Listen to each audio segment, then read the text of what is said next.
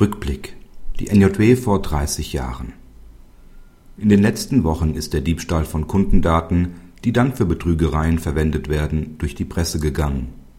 Sensible Daten wie Kontoverbindungen sollen von einer Lottogesellschaft an einen Adresshändler in Nordrhein-Westfalen gelangt sein, der die Daten weiterverkauft hat. Nach einem Bericht des Handelsblatts vom 13.08.2008 soll im Internet die Geheimzahl eines Online-Kontos für einen Preis von 2000 Euro zu erstehen sein.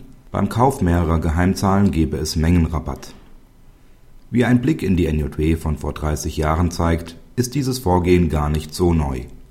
Dort berichtete Dammann in seinem Beitrag zu den ersten Erfahrungen mit dem Bundesdatenschutzgesetz in NJW 1978, Seite 1906, über den Stuttgarter Datenskandal den vermeintlich ersten Datenschutzfall der Bundesrepublik.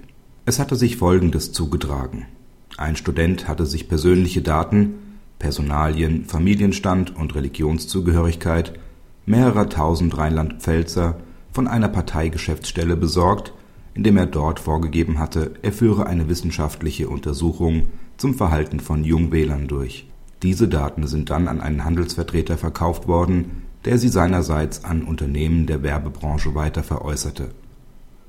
An anderer Stelle desselben Heftes 38 (NJW 1978, Seite 1931) ist auch die Entscheidung des LG Bad Kreuznach in dieser Sache abgedruckt, mit der das Gericht die Beschwerde gegen die Ablehnung der Eröffnung der Hauptverhandlung gegen die Beteiligten durch das Schöffengericht zurückgewiesen hat. Diese Entscheidung bezeichnete Dammann als datenschutzrechtlichen Unglücksfall wie sagte einst der Rabbi Ben Akiba: Es ist alles schon einmal dagewesen